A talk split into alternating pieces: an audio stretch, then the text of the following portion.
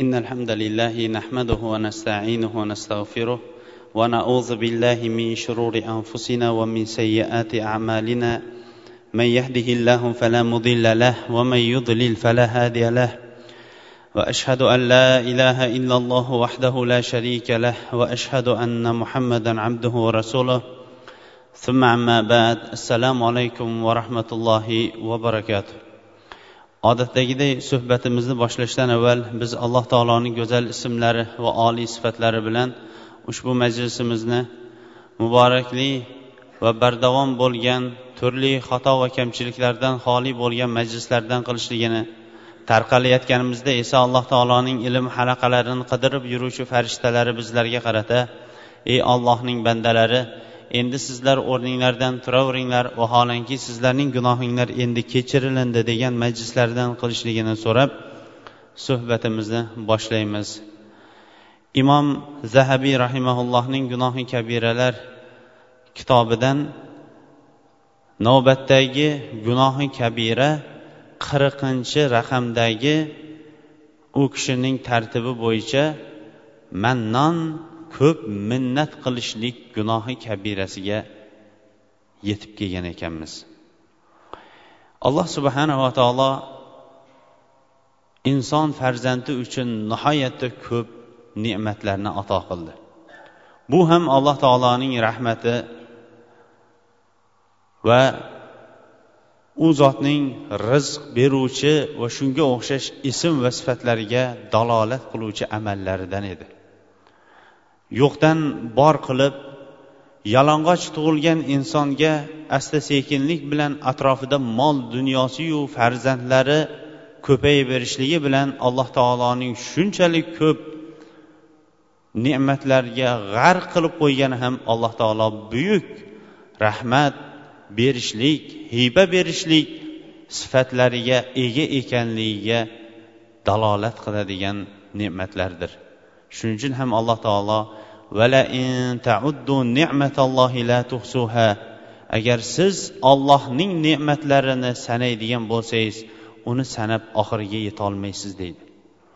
Oddiygina nafas olishlik ne'matini agar alloh taolo yaratib qo'yganday tabiiy nafas ololmayotganlar bilan bir gaplashadigan bo'lsangiz nafas olishlik ne'matini nihoyatda yaxshi tushunib olgan bo'lardingiz. Nozu ne'matlarni yeb bo'lgandan keyin hojatni ado qila olmayotganlardan hojatni ado qilishlik ne'matini balkim siz sezmayotgandirsiz lekin ular bilan gaplashsangiz buning ne'matini bilasiz. Alloh subhanava taolo shunga o'xshash bizlarga qancha qancha berilgan ne'matlarni o'zgalarga berayotgan vaqtda minnat qilib berishlik esa katta gunohi kabiralarning bittasi hisoblanar ekan. Biz o'zgaga biron narsa beradigan bo'lsak uni mumkin emaski biron bir evaz muqobiliga beramiz. Eng kamida savob yoyinki savobning ortidan yana boshqa dunyoviy oldi berdilar muqobiliga berilib turib ana undan keyin minnat qilishday katta gunoh bo'lmasa kerak. Vaholanki alloh taolo o'sha ne'matlarning o'zini biron bir muqobil evaz almashtirishsizlik almashtirishlik degan masalaga to'xtamasdan shunday bergan edi. Va berganida ham bu ne'matlarni sizu biz uchun minnat qilmagan edi. Har oyda to'lanadigan maoshlik narsalarga uydagi to'k svet suv masalalariga agar bir oy ikki oy qaramay qo'ysangiz uning aylanadigan miqdori qancha miqdorga borib ketganligini yoyinki o'z vaqtida berilmagan qarz egasi bo'ynining yo'g'onini ko'rsatib turib shunchalik qarzni cho'zganligini minnat qiladigan bo'lsa berilingan narsalarga xosatan savob umid qilinadigan o'rinlarga minnat qilib berishlik katta bir gunoh hisoblanar ekan. Ammo alloh taoloda bunaqa sifat yo'qdir. Alloh taoloning berishligi shunchalik keng lekin uning evazida biron bir muqobil almashtirib oladigan bandaning qo'lida biron bir narsa ham yo'q. Uning ustiga alloh taolo uni bandalaridan xohlamaydi. Ammo bergan narsalarini minnat qilishlik gunohi kabiralarning bittasi hisoblanadi. Minnat qilishlik deganda ulamolarimiz minnatni ikki qismga bo'lgan ekan. Birinchilari aytgan ekanki biron bir kishiga yaxshilik qiladigan bo'lsa o'sha yaxshilik qilayotgan odamga minnat qilishligi desa boshqa bir ulamolar aytgan ekanki biron bir narsani beradigan yo sadaqa qiladigan bo'lsa ollohga uni minnat qilish degan ekan olloh minnat qilmay turgan narsani bandasi ollohga minnat qilishlikdan ko'ra kattaroq osiylik bo'lmasa kerak alloh subhanava taolo bu haqida auzu billahi minash shaytonir rojim يا أيها الذين آمنوا لا تبطلوا صدقاتكم بالمن والأذى ey iymon keltirgan kishilar sizlar qilayotgan xayr ehson sadaqanglarni minnat va ozor berishlik bilan behuda bekor qilib yubormanglar dedi. Alloh subhanava taolo berilayotgan xayr ehson sadaqalarni hamma o'rindagi maxfiy qilishlikka targ'ib qildi.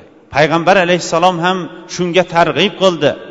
Muttafaqun alayh bo'lgan hadisda yetti toifa inson borki ularni alloh taolo qiyomat kunida soya yo'q kunda o'zining arshining soyasida soyalantirib turadi dedi. O'sha yetti toifa insonning bittasi o'ng qo'li bilan qilgan infoqini chap qo'liga ham bildirmaydigan ravishda maxfiy qilganlar. Maxfiy qilishlikdan maqsad nihoyatda ko'p edi. Eng birinchi ixlos masalasi olloh uchun qoladigan bo'lsa ikkinchisi ehson berayotgan odam ehson berilayotgan odam oldida bo'ynining yo'g'onini ko'rsatishlik degan masala bo'lmasdi. Minnat qilishlik degan masala bo'lmasdi. Bu oyatda esa alloh taolo ey iymon keltirgan kishilar sizlar qilayotgan xayr ehson sadaqanglarni minnat va ozor berishlik bilan behuda qilib yubormanglar deydi. Bu oyatdan tushuniladigan foydalarning bittasi agar qaysi bir qilingan yaxshilik minnat qilinadigan bo'lsa uning hammasi savobini egasiga yo'qotib yuboradigan katta bir ofat. Aziyat esa insonlar o'rtasida unga ozor berishlik.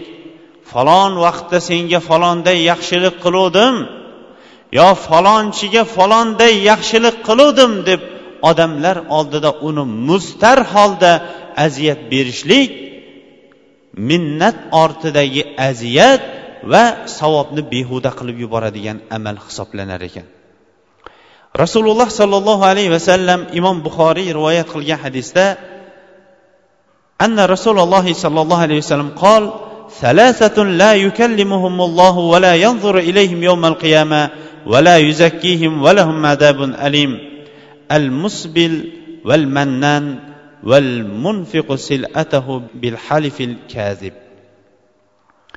alloh subhanava taolo uch toifa insonga alloh taolo gapirmaydi.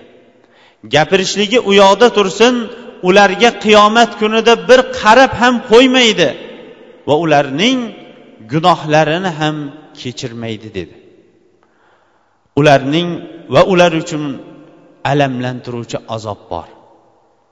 Ularning birinchisi al musbil o'zining libosini sudrab yuradigan odam. Libosini sudrab yuradigan odam haqida inshaalloh alohida gunohi kabira tartibida alohida to'xtaladi. Lekin payg'ambar alayhissalom ma asfala minal kabayni finnar to'piqdan tagida bo'lgan kiyimlarning hammasi jahannamdadir dedi. Boshqa hadisda esa izarul kabayni ma bayna saqi val kabayn. Mo'min kishining libosi tizzasi bilan to'pig'i o'rtasidagi dedi. Shuning uchun ham musulmon ummatining barchalari o'zlarining liboslarini to'piqlaridan yuqori qilib yurishlikni ular o'zlariga vojib deb sanab olishgandir. Hatto ba'zi ulamolar libosini sudrab yurgan insonlarni fosiqlar deb ham nomlagan ekan. Bu yerda alloh taolo gapirmaydigan qarab ham qo'ymaydigan gunohlarini kechirmaydigan va ular uchun alamlantiruvchi azob bo'ladigan uch toifaning birinchisi libosini sudrab yuruvchilar. Boshqa hadisda libosini kibr bilan sudrab yuruvchilar deganga ba'zilari kibrsiz sudrab yursa bo'ladi degan masalani ochishadi. Lekin to'g'rirog'i agar kibr bilan sudrab yurgan bo'lsa kibr qilganligi uchun bir gunoh sudrab yurganligi uchun ikkinchi gunohni olishadi degan. Ikkinchi toifa minnat qiluvchi. Minnatni ham al mannan nihoyatda ko'p minnat qiluvchi. Uchinchi shaxs esa o'zining molini yolg'on qasam bilan sotuvchi. Mana bularni alloh taolo qiyomat kunida mana shunday azob bilan azoblar ekan. Boshqa hadisda rasululloh sollallohu alayhi vasallam la yadxulul jannata habbun vala baxilun vala mannan. Jannatga makr hiyla qiluvchilar baxil kishilar va minnat qiluvchi insonlar jannatga kirmaydi dedi.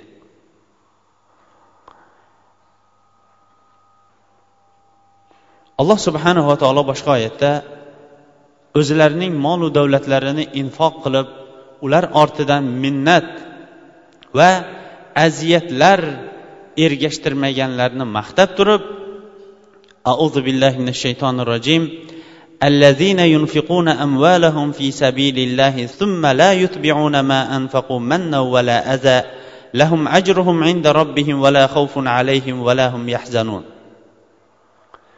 o'zlarining molu davlatlarini ollohning yo'lida infoq qiladiganlar so'ngra qilgan infoqlarining ortidan minnat va aziyatni ergashtirmaydiganlar uchun robbilari huzurida ajru savoblar bordir shuningdek ular uchun qo'rquv ham g'am tashvish ham ular uchun yo'qdir dedi. Alloh subhanava taoloning go'zal ismlari va oliy sifatlari bilan hammamizda ham minnat qilishlik va qilayotgan xayr ehsonning ortidan minnat ergashtirib aziyat berishday razil past xulqdan o'zi poklashligini alloh taolodan so'raymiz. qirq birinchi gunohi kabira taqdirni yolg'on sanashlik gunohi kabirasi ekan. Hammamizga ham ma'lumki iymonning asosiy poydevorlarining bittasi taqdirning yaxshiligi ham yomonligi ham hamma hammasi yolg'iz olloh taolodan ekanligiga iymon keltirishlikdir. Shuning uchun ham ibn umar roziyallohu anhuma ko'fadan chiqqan taqdir haqida gapirgan bidatchilarga qarata aytganki ularga borib yetkazing. Men ulardan pokman ular mendan pokdir. Agar ular taqdirning yaxshiligiyu yomonligining hammasi yolg'iz ollohdan deb turib iymon keltirmaydigan bo'lsa ular agarchi uhud tog'ichalik oltinni infoq qilsa ham ularning infoqlari qabul qilinmaydi degan. Taqdir deganning o'zi nima? Taqdir degani shariat istilohi bilan avvaldan taqdirning egasi uni bilib qalamlar bilan to qiyomatgacha bo'lgan narsani haloyiqning hamma amallarini yozib qo'yilgan narsa bu taqdir deyiladi. Ibn hajar rahimaulloh bu ta'rifga aytgan ekanki bundan maqsad shuki alloh taolo haloyiqni yaratishlikdan avval ularning hamma o'lchovlarini amallarini yozib taqdirlarini bilib yozib ana undan keyin o'zining qudrati va irodasi bilan buni bitib qo'yishligining o'zi bu taqdir hisoblanadi degan ekanlar. Taqdir masalasida insonlar uch qismga bo'linishdi. Xuddi boshqa masalalarda ham uch qismga bo'linganiga o'xshash. Ularning ba'zilari bu masalada chuqur ketadigan bo'lsa ba'zilari bunda nihoyatda sayoz uchinchi toifa esa chuqur ketganlar bilan sayoz turganlar o'rtasidagi mo'tadil adolatda turgan toifadir. Hamma hamma yer yuzasidagi amallarni bir tekshirib chiqadigan bo'lsangiz ularda insonlar kamida ikki uch firqaga bo'linishadi. Ularning ba'zilari bu masalada chuqur ketadigan bo'lsa ba'zilari bu masalada nihoyatda sayoz olib tashlab qo'yadigan bo'lsa o'rtadagi adolat bilan adolat mezonini ushlab turadigan toifalar ham uchraydi. Xuddi shunga o'xshash taqdir masalasida ham ulamolar tarixdan aytishganki insonlar uch qismga bo'linishdi. Ularning birinchi toifalar ular jabriylar. Insonning hammasi taqdirdagi amallarni qilishlikka majbur deganlar chiqishdi. Uning aksi bo'lib keyingi toifa chiqdi. Majburlik yo'q taqdirning o'zi ham yo'q inson qo'li bilan taqdirini yaratadi degan insonlar toifasi chiqdi. Uchinchi toifa o'rtadagi. Alloh taolo inson uchun taqdirni yozdi va inson uchun o'sha erkinlik irodasini ham berdi degan ahli sunna va jamoa bu ikki mezonning o'rtadagi mo'tadil mezonini ushladi. Ammo rasululloh sollallohu alayhi vasallam davrida taqdir haqida taqdirni yolg'on sanashlik yoinki taqdir haqida odamlarning tortishishlik masalasi bo'lmadi. Faqatgina imomi termiziy rivoyat qilgan hadisda rasululloh sollallohu alayhi vasallam bir kuni ashoblari oldiga chiqdi. Ashoblari esa taqdir haqida o'rtada talashib tortishib turgan edi. Rasululloh alayhissalom buni ko'rdilarda g'azablari chiqib ketdi. U kishining g'azabi chiqqanining belgisi muborak chehralari qizarib ketardi. Hatto shunchalik ravishda chekalari qattiq qizargandan qip qizil bo'lib anorday ikki chekalari qizarib ketdi. Keyin aytdilarki abihada umirtum. Sizlar o'zaro bir biringlar bilan taqdir haqida tortishib talashib o'tirishlik uchun buyurilganmidinglar? Yoyinki men sizlarga taqdir haqida talashib tortishib o'tirishlik uchun jo'natilinganmidim. Bilinglarki sizlardan avvalgilarning halok bo'lishiga sabab mana shu taqdir masalasida ular o'zaro tortishib talashganlik bo'ldi. Sizlarga qat'iy qilib qat'iy hal qiluvchi masalani aytaman qaytib bu masalani ochmanglar dedi. Shu bilan sahobalar davrida taqdir masalasidagi hammaning e'tiqodlari bir bo'ldi.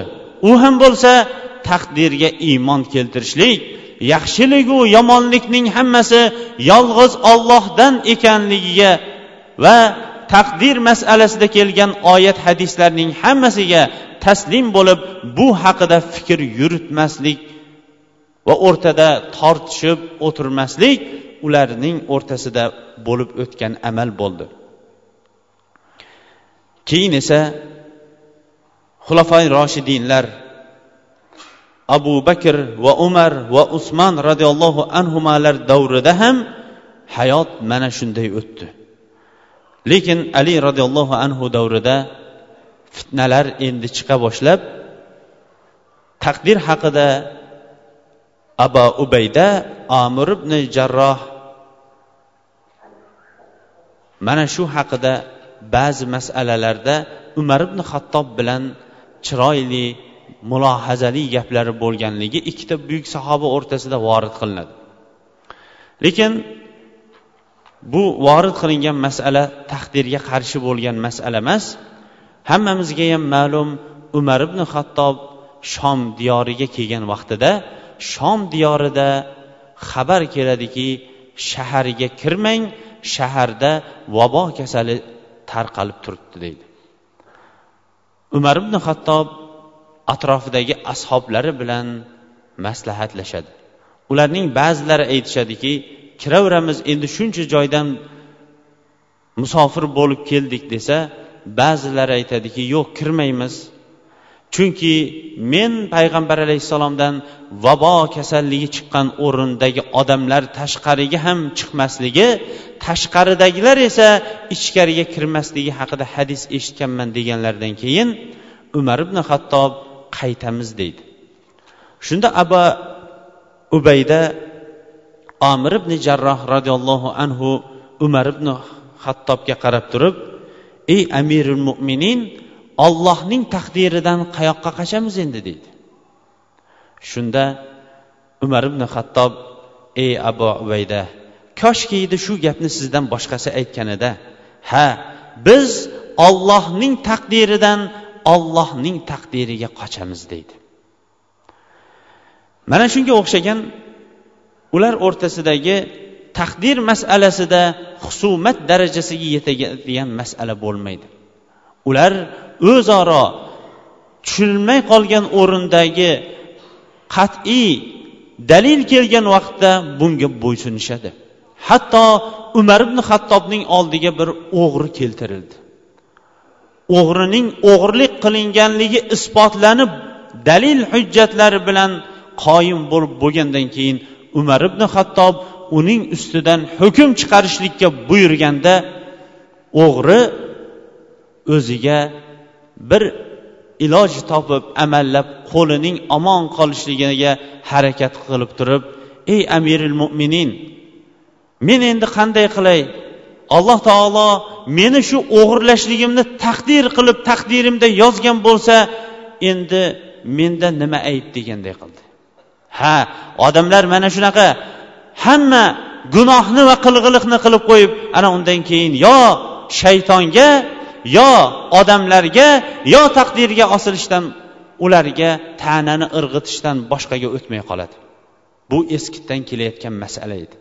Umar ibn hattob kuldi. Agar ollohning taqdirida sening o'g'irlik qilishliging yozilgan bo'lsa biz o'sha ollohning taqdiri bilan qo'lingni kesamiz dedi. Shu bilan hujjat uning ustiga qoyim bo'ldida ana undan keyin qo'li kesilindi. Ammo taqdir haqida eng birinchi bid'at aqidada bid'at kiritgan basra shahridagi kishilardan chiqdi. U ham bo'lsa birinchi nasroniy dinida bo'lib turib keyin islomni qabul qilib keyin yana nasroniy diniga o'tib ketgan basralik ba'zilari esa iroqlik degan savsan degan kishi gapirdi. Undan esa ba'zi bir odamlar taqdir masalasida ba'zi bir ilmlarni olib vosil ibn ato amr ibn ubayd va g'aylon ad dimashqiy degan kishilar taqdir haqida gapira boshlashdi. Lekin o'sha vaqtdagi ulamolar tirik sahobalar va tobiinlar bunga qattiq qarshi chiqishdi. Ozroq vaqt o'tgandan keyin banu umayya xalifalik davrida bandaning hammasida erki yo'q ular taqdir masalasida majbur degan ikkinchi jabriya firqasi kelib chiqdi. Mana bu firqalar to bugungi kungacha insonlar o'rtasida hali ham ba'zi bir shubhalari yoyinki hali ham o'zining adashib kelayotgan masalalari insonlarda hali haligacha qoldiq bo'lib kelyapti. Biz asl sof rasululloh alayhissalom davridagi insonlarning taqdir haqidagi masalasi sahoba va tobiinlarning uni qanday eshitib unga qanday taslim bo'lganligini bevosita ularning o'zlari bilan olishligimizning natijasi aqidani soflashlik va turli keyin chiqilingan oqimlarga adashib kirib ketishlikdan saqlanishlik yo'li bo'lganligi uchun ham taqdir haqidagi rasululloh alayhissalomning asl negiz hadislariga to'xtab o'tamiz. Ibn masud roziyallohu anhu rivoyat qilgan hadisda rasululloh sollallohu alayhi vasallam taqdir haqida yorqin va keng bo'lgan hadisni bizlarga bayon qilib berdilar. Unda bo'lsa ham taqdir masalasida alloh subhanahu va taolo insonlarning taqdirini onaning qornida vaqtida yozib qo'yishligi va bu taqdir hech ham agarchi insonlarning hammasi ham yer yuzasi bo'yicha insonlarning hammasi unga zarar berishlikka harakat qilsalar ham taqdirdan ortiq zarar bera olmasligi foyda berishlikka harakat qilsalar ham olloh yozgan foydadan ortiq foyda bera olmasligi haqida rasululloh alayhissalom keng va yorqin qilib bizlarga bayon qilib bergan edi.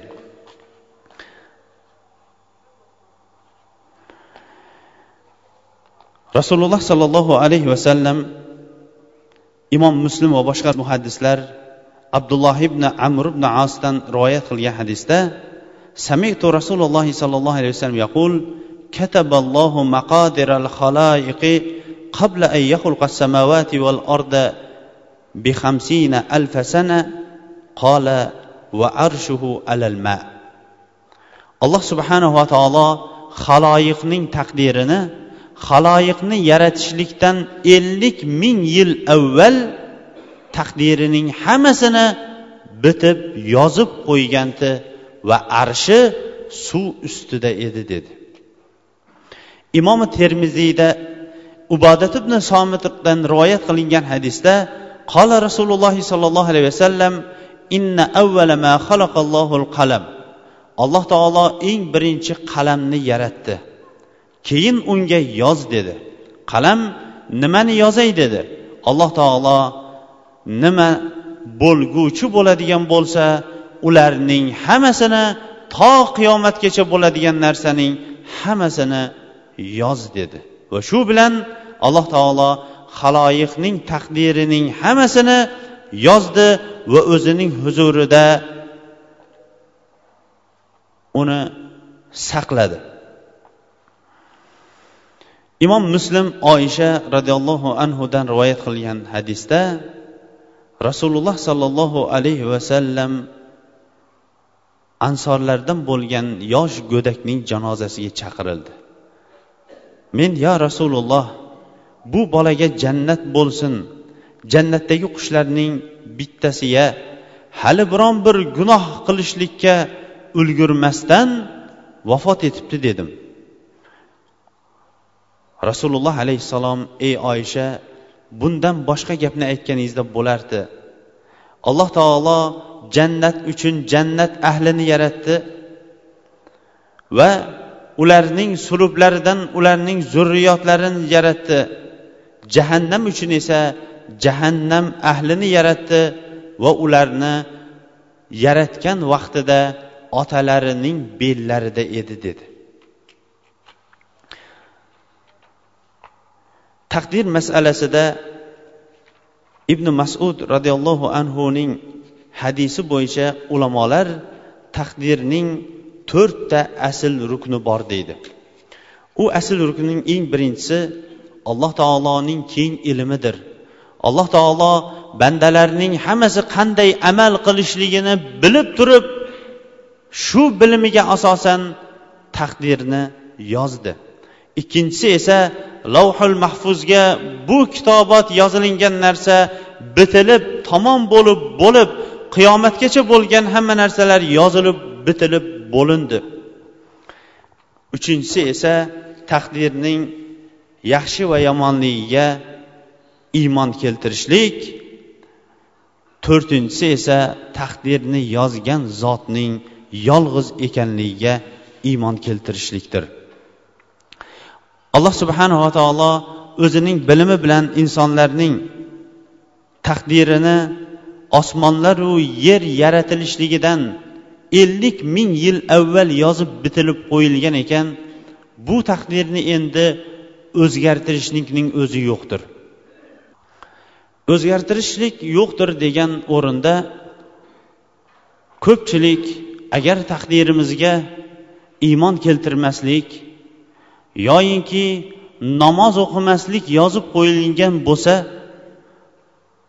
unday bo'lsa alloh taolo nima uchun bandalarini azoblaydi degan shubhali savol hozirda ham kechada ham o'tgan tarixda ham berilib kelingan. Bu hattoki rasululloh sollallohu alayhi vasallam davrida ham bo'lgan. Imom muslim jobir roziyallohu anhudan rivoyat qilgan hadisda suroqat ibn malik rasululloh alayhissalom huzuriga keldilarda yo rasululloh bizlarga dinimizdan biron narsani o'rgatib bering. Biz go'yoyinki hozir yaratilinganday bo'lib turibmiz hali hech narsa bilmaymiz dedi. Endi biz bugun nimaga ko'ra amal qilaylik dedi.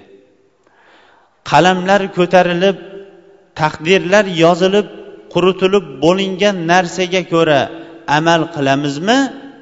Yoyinki mustaqbal kelajakda biz o'zimiz harakat qilib taqdirimizni yaratamizmi degan ma'noda gapirdi. Rasululloh alayhissalom yo'q. Taqdir yozilinib qalamlar qurigan sahifalarga ko'ra amal qilasizlar dedi. Suroqat ibn molik unday bo'lsa amal qilishlikka nima hojat? Taqdirlar bitib qo'yilgan bo'lsa jannat ahli jannat ahli jahannam ahli jahannam ahli bo'lib bo'lgan bo'lsa unda amal qilishlikka nima hojat dedi. Rasululloh alayhissalom yo'q amal qilinglar. Har bir boriladigan o'ringa muyassar qilib qo'ygan odam o'zining amalini yengillik bilan topib ketaveradi dedi. Jannat ahllaridan deb yozilingan inson albatta jannat ahlining amalini qilib jannat ahlining odamlari bilan aralashib ketaveradi. Jahannam ahlidan degan odamlar o'zining harakati bilan jahannam ahlining amallarini topib olib jahannam ahlidan bo'lgan do'stlarni topib ketaveradi. Rasululloh alayhissalom yo'q amal qilaveringlar. Har bir inson o'zining yozilingan taqdiriga ko'ra o'zining yo'lini topib ketaveradi dedi. Boshqa rivoyatda esa kullu amilin muyassarun li amalihi har bir amal qiluvchi o'zining amalida yo'lini topishlikka yengil qilib berilingan dedi. Mana shunday taqdirni o'rtaga ro'kach qilib turib o'zining namoz o'qimayotganligi mast qiluvchi ichimliklarni qo'yolmayotganligi kashandalikdan chiqib ketolmayotganligini o'rtaga taqdirni dalil qilib keltiradigan insonlar uchun ibn usaymin rahimaulloh nihoyatda bir chiroyli dalil keltiradi.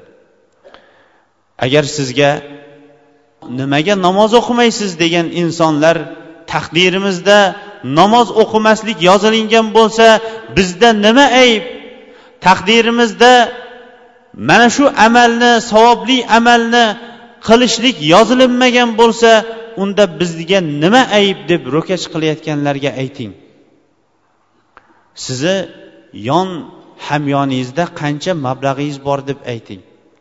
Agar u yon hamyonimda o'n ming tangam bor deydigan bo'lsa o'n ming tangangizni bu yoqqa bering deb o'n ming tangasini olingda o'zingizning hamyoningizga solib qo'yib taqdirimiz shunaqa ekan do'stim. Sizdagi o'n ming tangani alloh taolo bizni hamyonimizga tushishga taqdir qilingan ekan deb burilib ketingchi u rozi bo'larmikin deydi. Hech ham rozi bo'lmasda yuz tanga ellik tanga o'n tangamiz yerga tushib ketadigan bo'lsa uni qoldirmay engashib olishlikka qurbimiz yetadiyu nahotki ibodat qilishlikka endi taqdirni o'rtada ro'kach qilamiz hamma dunyoviy masalalarga bir nazar soladigan bo'lsangiz insonlar dunyoviy masalalarda taqdirni ro'kach qilmaydida o'zilarining inti jinti bilan kechayu kunduz yigirma to'rt soat bo'lsa iloji bo'lsa qaniydi yigirma besh soat bo'lsaydi deb turib o'zining mavsum vaqtlarida kechayu kunduz ishlab turib ollohning bergan rizqini ko'paytirib olishlikka harakat qiladida nima uchun ibodat soati kelgan vaqtda ollohning taqdirini o'rtaga endi ro'kash qilib olar ekan? Qani endi bundagi adolat? Agar taqdirni ro'kash qiladigan bo'lsak bog'lanib qo'yilgan mollar taqdir bo'ladigan bo'lsa o'zi semirar yoyinki o'tkazib qo'yilgan go'shtlar bo'lsa taqdirda bo'lsa o'sha qancha qancha mablag'lar kelar mablag' kelmasa o'sha go'shtni olganlar bilan shu yoqda ketar deb yotib olmaymizda har kuni o'tkazib qo'yilgan mablag'larni ortidan yuguramiz. Yoyinki dehqonchilik poliz ortidan yuguramizda allohning taqdirini ibodat masalasiga kelgan vaqtda ro'kash qilib turib taqdirimizga namoz o'qimaslik yozilgan bo'lsa nima qilay? Taqdirimizga mast qiluvchi ichimlikni ichishlik yozib qo'yilgan bo'lsa nima qilay deb turishlik diniy ishlarda taqdirni ro'kach qilib dunyoviy ishlarda esa taqdirni o'ylamaslik bu albatta insofdan va adolatdan emas. Buni hatto sog'lom bo'lgan fitrat sog'lom bo'lgan aql ham buni hech ham qabullamaydi. Alloh subhanava taolo haloyiqning taqdirini hammasini yozib bitib qo'ygan ekan. Bu taqdir lavhul mahfuzda alloh taoloning huzuridagi lavhul mahfuzda saqlanar ekan.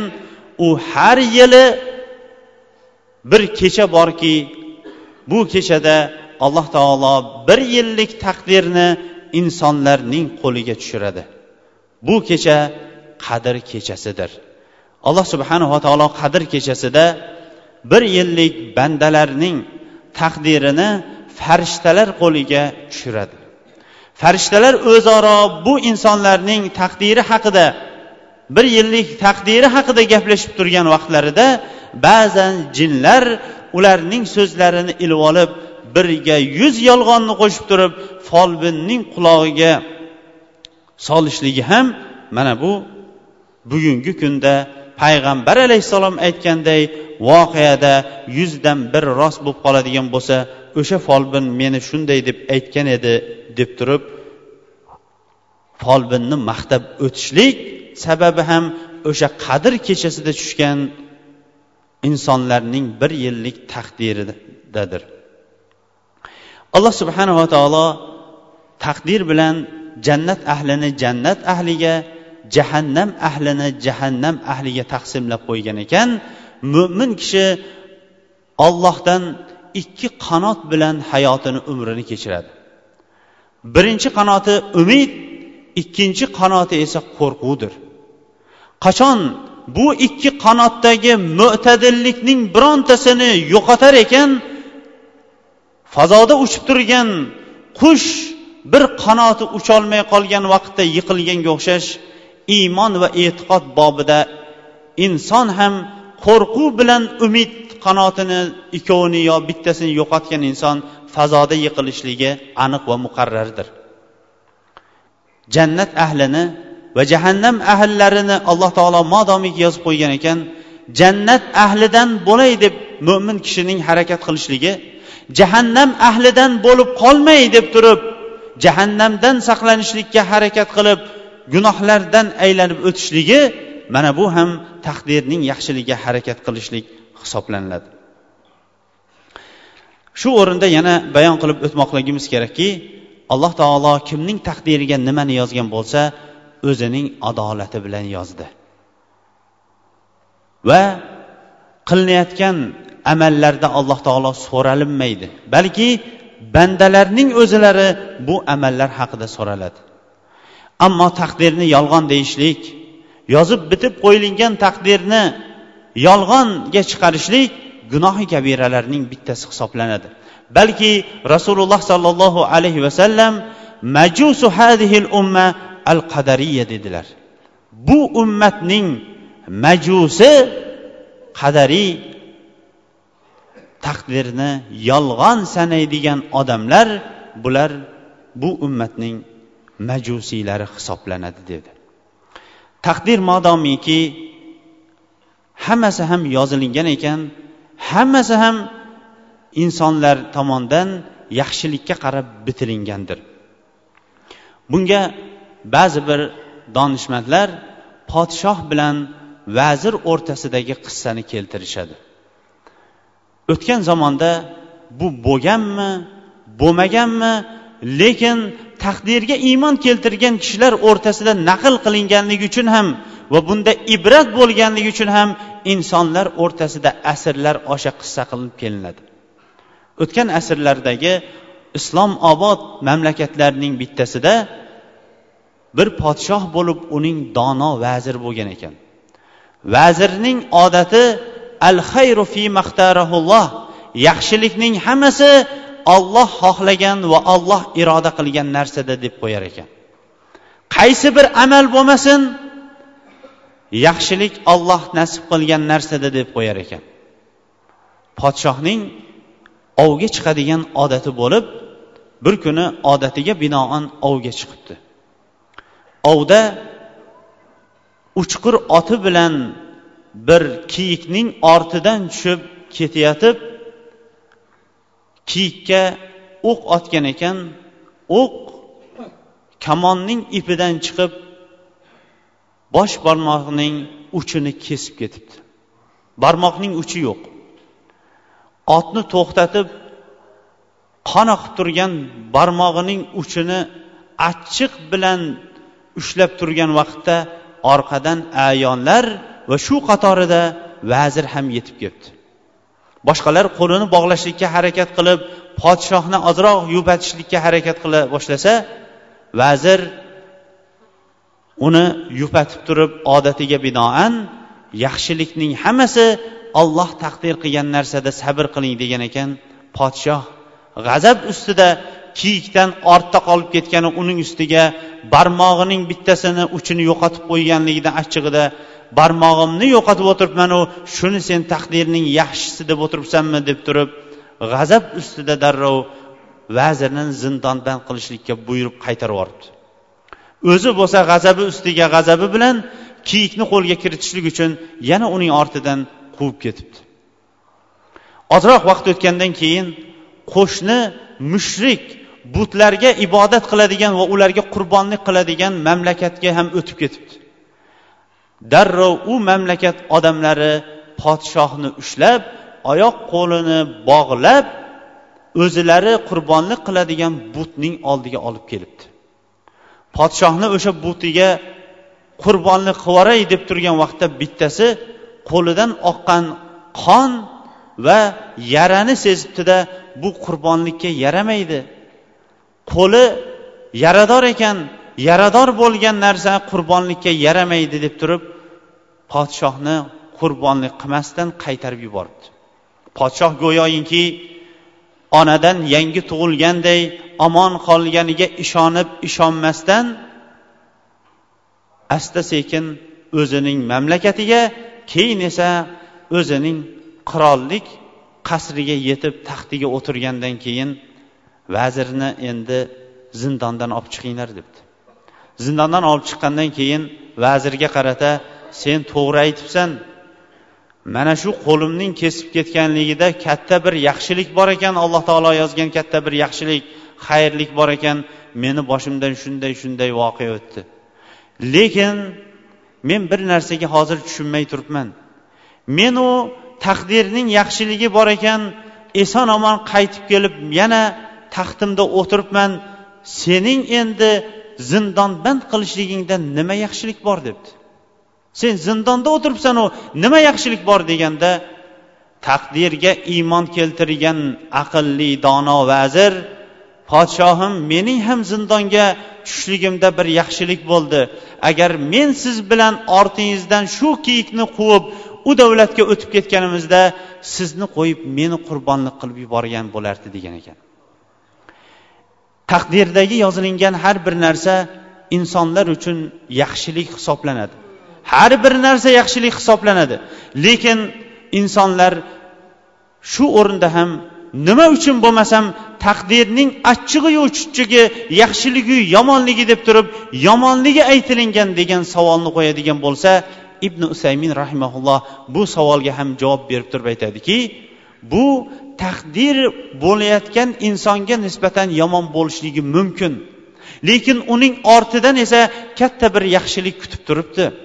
Go'yoki ota o'zining farzandini tabibning oldiga olib borib tabib bilan uning shikastlangan qo'lini yo oyog'ini ko'rsatgan vaqtida tabib o'sha o'rnini kesib yubormaydigan bo'lsak bu yara tananing boshqa o'rinlariga ham o'tib ketib tananing hammasini ham nobud qilib qo'yishligi mumkin.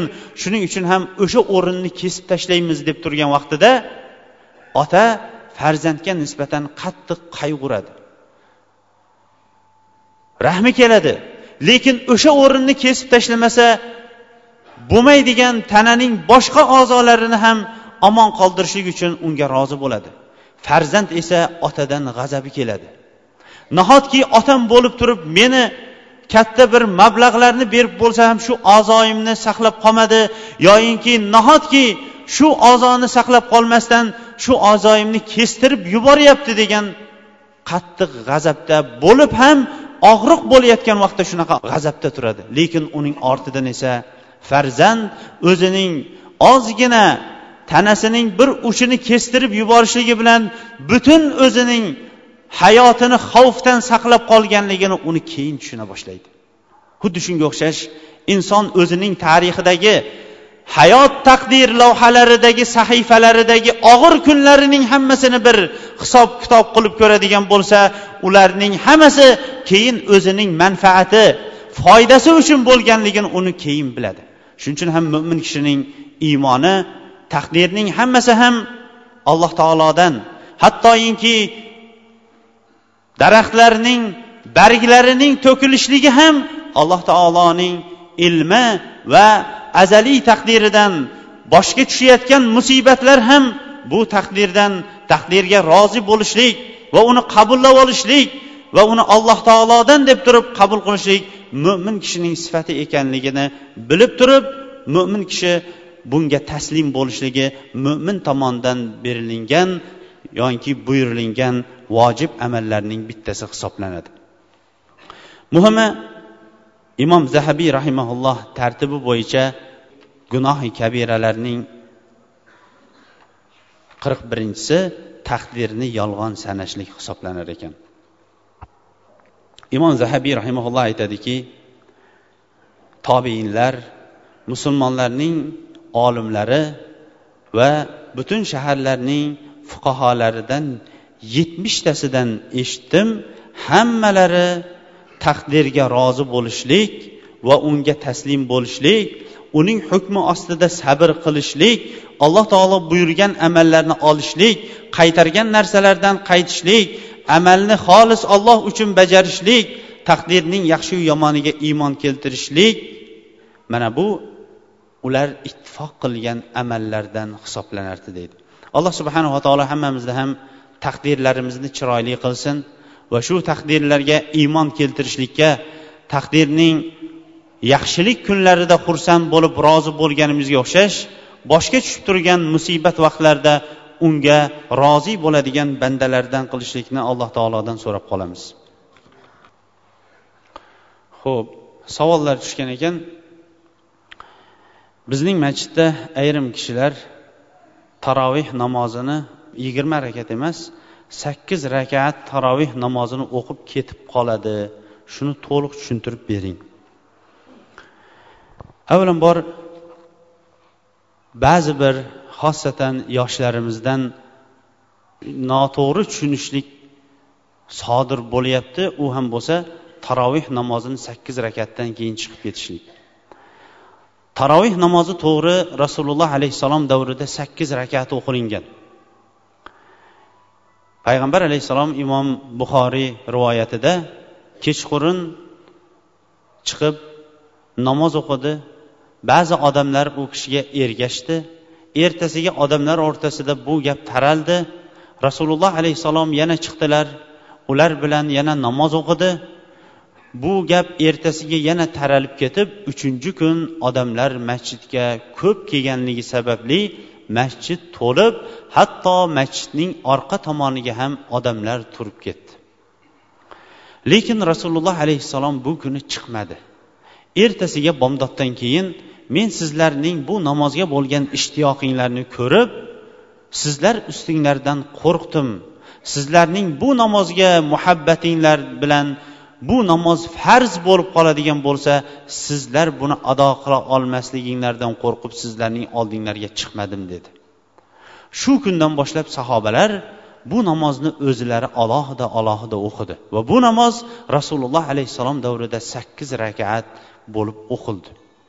Umar ibn xattob davriga kelgan vaqtda umar ibn xattob masjidda ba'zilari ustunlar oldida ba'zilar devorlar oldida alohida alohida sakkiz rakatdan o'qiyotgan sahoba va tobiinlarning hammasini jamlab turib bir imomning ortidan jamladida bu namozni yigirma rakat qildi.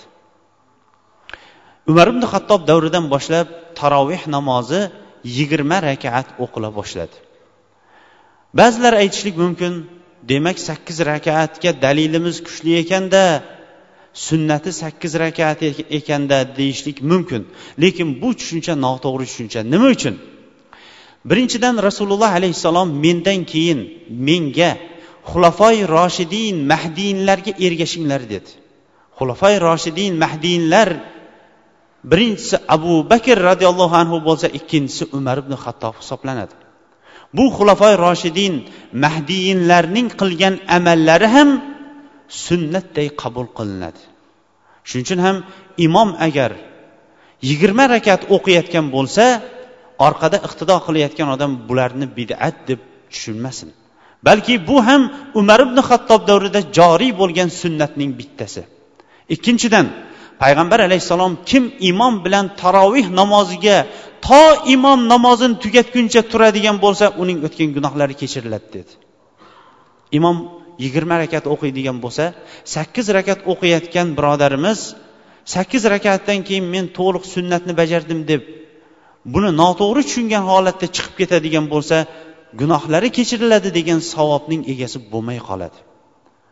Va hammamizga ham ma'lum bugungi kunda makka kabada payg'ambar alayhissalom shahrida qudus aqsoda qiblatayn masjidlarida yigirma rakatdan o'qiladi bu namoz.